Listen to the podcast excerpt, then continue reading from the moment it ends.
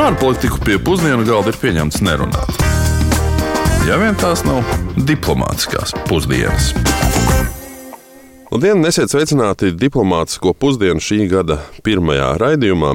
Vispirms jau mums gribētos visus apsveikt jaunajā 2023. gadā un novēlam saviem klausītājiem pirmkārt jau mieru. Tas laikam ir populārākais mm -hmm. novēlējums šajā gadā.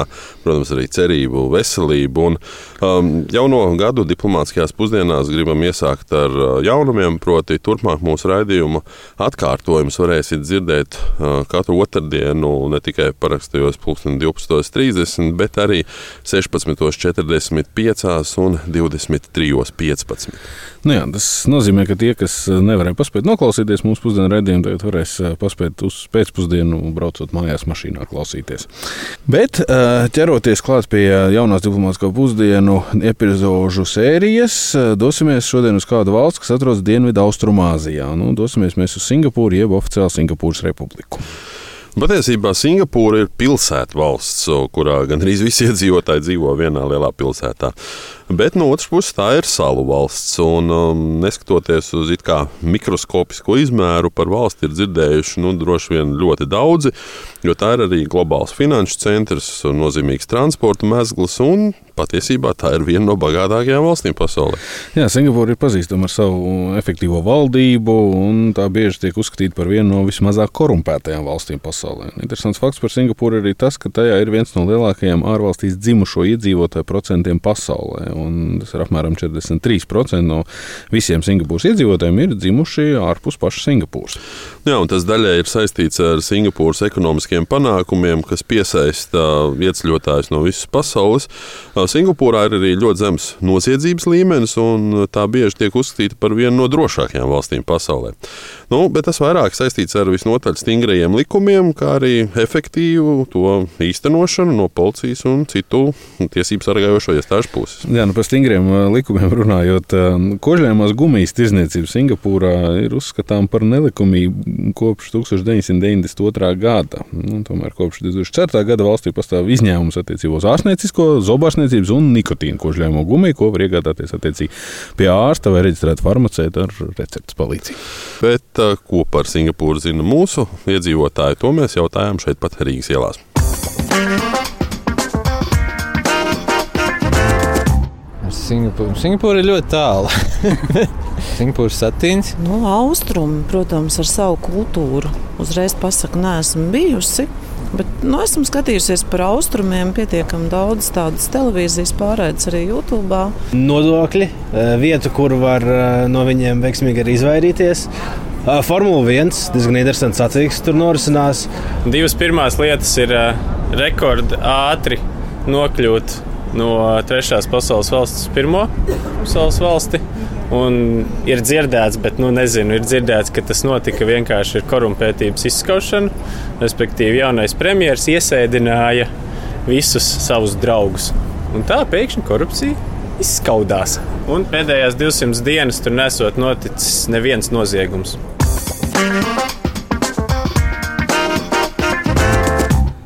Stāstot par Singapūru, laikam nevar nerunāt par valsts uzbūvi jau vispirms. Ļoti bieži ir dzirdēts, ka arī Latvijā Singapūra tiek slavināta kā paraugs un piemērs. Nu, tad paskatīsimies nedaudz dziļāk. Um, valsts ir parlamentāra republika ar Anglijas Westminsteras stilu parlamentāro sistēmu, kas nozīmē, ka valdība veido partiju vai partiju koalīciju, kurai ir lielākā daļa vietu parlamentā. Singapūras prezidentam, kuru ievēl tautas balsojumā, ir galvenokārt ceremoniāla nu, reprezentatīva loma. Savukārt premjerministrs ir attiecīgi izpildījis varas vadītājs, nu, valdības vadītājs. Valdošā partija Singapūrā pašlaik ir Tautas rīcības partija, kurai ir vara kopš neatkarības atgūšanas 1965. gadā. Um, šai partijai ir pārliecinošs vairākums parlamentā, un tā ir veiksmīgi īstenojusi dažādas ekonomikas un um, sociālās politikas, arī veicinājusi Singapūras straujo attīstību un labklājību. Nu jā, tomēr, neskatoties partijas popularitāti, PAP, kā viņu saīsina, ir saskārusies arī ar kritiku par tās autoritāro pārvaldības stilu un caurskatāmības trūkumu. Uh, Singapūra ir arī vairākas opozīcijas partijas, kuras attiecīgi ir mēģinājuši apstrīdēt šo tautas rīcības partijas dominējošo stāvokli un piedāvāt alternatīvu politiku, bet nu, šajā gadījumā viņi nav līdz galam bijuši tik sekmīgi, kā viņiem pašiem būtu gribējies. Singapūras politiku var raksturot kā līdzsvaru starp ekonomisko attīstību un sociālo stabilitāti, kā arī apņemšanos ievērot demokrātiju un tiesiskumu. Nu, vienlaikus valsts saskars ar um, vairākiem izaicinājumiem, tostarp konkurētspējas saglabāšanu strauji mainīgajā globālajā ekonomikā un arī nevienlīdzību sabiedrībā. Nu, jā, nu, par ekonomiku runājot, Singapūras IKP pēc pirktspējas paritātes viena iedzīvotāja ir 108,000 eiro, nu, kas ir ievērojami augstāks nekā Latvijas. Nu, apmēram trīs reizes augstāks nekā Latvijas. Singapūra ir arī trešā bagātākā valsts pasaulē pēc IKP uz vienu iedzīvotāju, uzreiz aiz Luksemburgas un Kataras. Jā, un Singapūra bieži vien tiek saukta par Āzijas Šveici, pateicoties tieši šim spēcīgajam finanšu sektoram. Um, tajā ietilpst vairāk nekā 200 banku un finanšu iestāžu. Nu, starp citu, Valsts ir arī galvenais riska ieguldījumu fondu un privātā kapitāla uzņēmumu centrs, padarot to par vienu no galvenajiem spēlētājiem pasaules finanšu tirgu. Nu jā, pakalpojumu sektors, protams, automātiski ir Singapūras eh, nozīmīgākais IKP radītājs. Nu, veido apmēram divas trešdaļas no tā.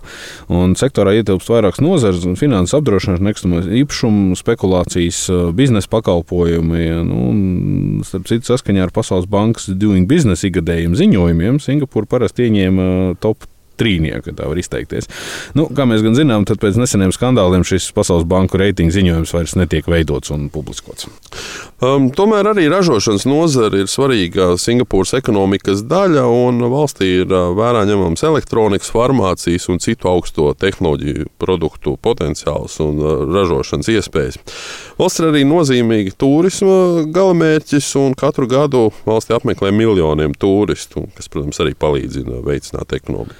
Nu jā, viens no faktoriem, kas uh, ir veicinājis Singapūras ekonomiskos panākumus, noteikti ir augsts kvalificētais un izglītotais darba spēks. Un tas saistīts ar to, ka valsts jau, jau gadu desmitiem ļoti veicina izglītību un apmācību, un rezultātā šis darba spēks ir ne tikai zinošs, bet arī ļoti pielāgoties spējīgs. Un, starp citu, Singapūra ir arī zemes bezdarba līmenis, nedaudz virs diviem procentiem, un tas arī pēc atsevišķa metodoloģijas skaitās kā viens no zemākajiem pasaulē. Mēs jau minējām, ka ļoti nozīmīga arī Singapūras transporta infrastruktūra, jo nu, valstī ir četras lidostas, trīs jūras ostas un visaptvarošs ceļu un dzelzceļa tīkls. Un tas arī padara to par galveno transporta mezglu visā Dienvidu Austrumāzijas reģionā. Uh, Singapūra ir arī otrā noslogotākā mm, jūras konteineru osta pasaulē, kas katru gadu pārkāpj vairāk nekā 30 miljonus konteineru ar kravām. Nu, ja jūs uh, gribat zināt, par kādiem mēs jūras konteineriem runājam, tad tie ir šie standarta konteineri, kas ir 6 metrus gari un bieži arī izmanto tagad mūs, mūsdienās kā moduļu mājiņu izbūvēšanu. jā, jā, jā. Um, nedomāju, 30 miljonus tādus katru, katru gadu. Liela pilsēta. Liela pilsēta, burtiski. Nu, pateicoties spēcīgai ekonomikai, attiecīgi uzkrātajam kapitālam un arī izglītības līmenim, Singapūrā ir arī ļoti labi attīstīta veselības aprūpas sistēma.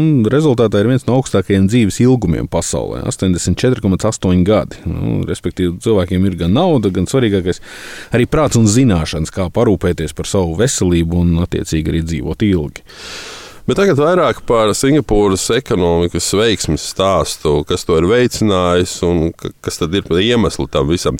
Un to mēs eh, jautājām Latvijas Investīciju un attīstības aģentūras pārstāvē Lāsmai Līdekai, kas eh, vairākus gadus vadīja Latvijas eh, nu, tirzniecības pārstāvniecību Singapūrā.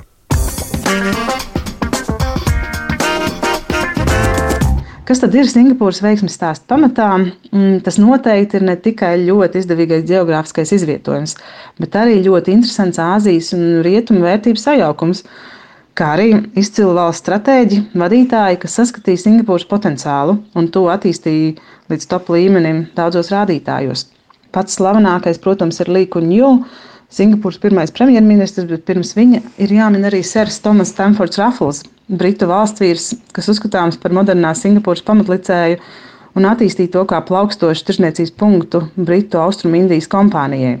Tieši Britu kolonizācijas laikā tika ieviesta angļu valoda, britu likumdošana, izglītības sistēma, arī britu celtniecība un arhitektūra.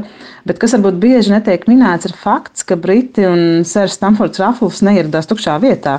Singapūras teritorija jau izsenis bija aktīva apmešanās vieta, kur piestāja kuģi un laivas. Ne tikai zvejnieki, bet arī pirāti, lai gan tirgotos un uzņemtu ūdens un ēdienu rezerves. Bet tieši Sērs Rafls redzēja šo potenciālu un attīstīja to par par tādu plaukstošu ostu un tirsniecības punktu Britu impērijai. Un Līkuņu izmantoja esošās Singapūras priekšrocības, gan tās strateģisko atrašanās vietu kā tirsniecības punktam, gan ieviesto šo Britu likumdošanu. Un tāds viņa vadītās valdības ekonomiskais attīstības modelis bija piesaistīt ārvalstu investīcijas piedāvājot tādu politisko stabilitāti, pieejamu darba spēku, labu lokāciju un neierobežotas valūtas kustības, ja tā var teikt. Un tieši šīs atvērtās ekonomikas princips ļāva valstī attīstīties. Un pašlaik Singapūrai ir vairāk nekā 40 tūkstoši ārvalstu kompānijas. No tām puses nāk no Āzijas un Klusā okeāna reģiona valstīm, Ķīnas, Indijas, arī, arī Austrālijas un aptuveni 15 tūkstoši no Rietumē Eiropas, ASV un Japānas, kas ļāvis ieviest tādas labākās tehnoloģijas, produktus un pakalpojumus. Un tāds tālredzīgs saziņā ar citām pasaules valstīm bija arī Līkuņu lēmums ieviest um, angļu valodu kā valsts administratīvo valodu. Tajā pašā laikā saglabājot tamilu, kas ir indiešu dialekts malaju, un ķīniešu mandarīnu dialekta valodas kā pārējās valodas valstī. Viņiem ir četras uh, valodas pašlaik, un noteikti jāmin korupcijas izskaušana ļoti lieliem sodiem. Un kāpēc cilvēki mēdz būt sajūsmā par Singapūru? Tā noteikti ir sakārtotība, ērtums un drošība. Dažreiz gan cilvēki ir cilvēki, kas min, ka tā ir pārāk sakārtota, bet atkal no otras puses, jebkuri valdības plāni, kas tiek ieviesti, tiek vienkārši un skaidri cilvēkiem izskaidroti. Līdz ar to viss ir saprotamāk gan par pieejamiem pakalpojumiem, gan par to, ko drīkst un nedrīkst, kur darīt. Bet kā no drošības viedokļa man jāmin, ka nekur pasaulē neesmu jutusies tik droša. Man pašai ir gadījies pazaudēt pāris lietas, un visos gadījumos esmu tās atguvusi. Protams, Iespējams, tas ir pateicoties augstiem sodiem par zādzībām. Un vēl pati Singapūra ļoti zaļa. Un šeit atkal jāmin līkuņu un tālredzīgā domāšana un plānošana, kas ar likumu palīdzību jau iesaka, ka pilsēta nevar pārvērsties betona džungļos, bet ir jāieplāno apstādījumi gan uz zemes, gan starp augstceltņu stāviem un jumtiem. Līdz ar to Singapūra tiešām ļoti zaļa un skaista. Lai cik būtu paēdis, vienmēr ir vieta arī desertam. Un nemanot, ir pienācis laiks arī desertam, un šīs dienas valsts ir interesanta, protams, ar ļoti dažādām lietām, tāpēc mēs parunāsim par Singapūras ekskluzivitāti. Un viena no šīm interesantajām lietām ir tā, ka Singapūra pēdējo simt gadu laikā ir mainījusi savu laika joslu veselas sešas reizes. Nu jā, mainījusi to ir gan dažādu faktoru dēļ, tostarp gan politisko un sociālo, gan arī enerģijas patēriņu, bet nu, pamat iemesls galvenais ir bijis ekonomiskais. Nu, valstī ir attīstīta tirgus ekonomika, un, un tāpēc tai ir svarīgi pielāgot savu laika joslu ar galveno tirzniecības partneru laika joslām, lai attiecīgi atvieglotu gan tirzniecību, gan saziņu. Nu, stāstot detalizētāk, tad pirmo reizi Singapūra laika joslu mainīja 1932. gadā, kad valsts pieņēma standarta laiku pēc Greenwichas laika. Nu, tas ir kā plus 8 stundas no mm -hmm. Greenwichas galvenā meridiāna. Tas tika darīts, lai saskaņotu šo joslu ar kaimiņos esošajām valstīm, proti, Malaiziju un Indonēziju. Nu, vēlāk, 1941. gadā, Singapūra mainīja savu laika joslu uz Greenwichas laiks plus 9 stundas, lai pieskaņotos Japānai, kas valsts okupēja Otrā pasaules kara laikā. Nu, starp citu, Japānas okupācijas laikā Singapūra toreiz eh, tika pārdēvēta par Sionanto. Pēc kara beigām Singapūra atgriezās pie Greenwich plus 8. Tālāk, jau 1982. gadā Singapūra atkal mainīja savu laika joslu, šoreiz jau uz GMT plus 7. Nu, šīs izmaiņas tika veikts, lai pielāgotos uh, atkal citu galveno tirdzniecības partneru laika joslai, un šo laika jau zonu jau uzturēja gan arī divas un desmit gadus. Nu jā, jo nākošo reizi, kad Singapūra veica izmaiņu laika joslā, tas notika 2007. gadā, un ieklausieties, viņš šoreiz nomainīja uz Greenwich laiks plus 7,5 stundas. Acīm redzot, es domāju, ka, nu, ja, ja nevar izvēlēties, tad jāiet pa vidu. Nu jā, šīs izmaiņas tika veikts, lai pielāgotos laika joslai tās kaimiņu valstīs Dienvidu Austrumāzijā. Vēlāk, pēc astoņiem gadiem, 2015. gadā jau notika piektā laika josla maiņa, un atkal atgriežamies pie GMT plus 8. Un tas jau atkal tika veikts, lai pielāgotos Ķīnai un Japānai. Nu jā, un 2020. gadā Singapūra veids šo sesto laika joslas maiņu, pārējot uz uh, Greenwich laiks GMT plus 7. Šīs izmaiņas attiecīgi tika veikts, lai pielāgotos atkal kaimiņu valstīm un samazinātu enerģijas patēriņu, jo vajadzēja pielāgoties arī dien, dabiskajam dienas gaismas ritmam. Acīm redzot, Singapūrai tas jau tāds kā varētu būt nacionālais sporta veids. būt, nu, kā, zin, Sevišķi tagad- bagāts tagad- dara, kā grib. Vai arī kā vajag, lai kļūtu bagāts. Nu, jā. Bet ar to arī mēs noslēdzam mūsu šī gada pirmo raidījumu. Pieminēšu tikai, ka nākošajā reizē mēs dosimies uz jaunāko starptautiski atzīto pasaules valsti - Dienvidu-Sudānas Republiku. Uz sadzirdēšanos! Nu, atgādināšu šoreiz tikai, ka raidījums ir klausāms arī podkāstos, Latvijas radio mājaslapā, mobilajā lietotnē. un Raidījumu veidoja es Kārlis Bukovskis un uh, mans kolēģis Uģis Lībijams palīdzēja Aleksandra Palkova un Rihards Plūms. Lai izdodas! Diplomātiskās pusdienas katru otrdienu pusdienos Latvijas Radio 1.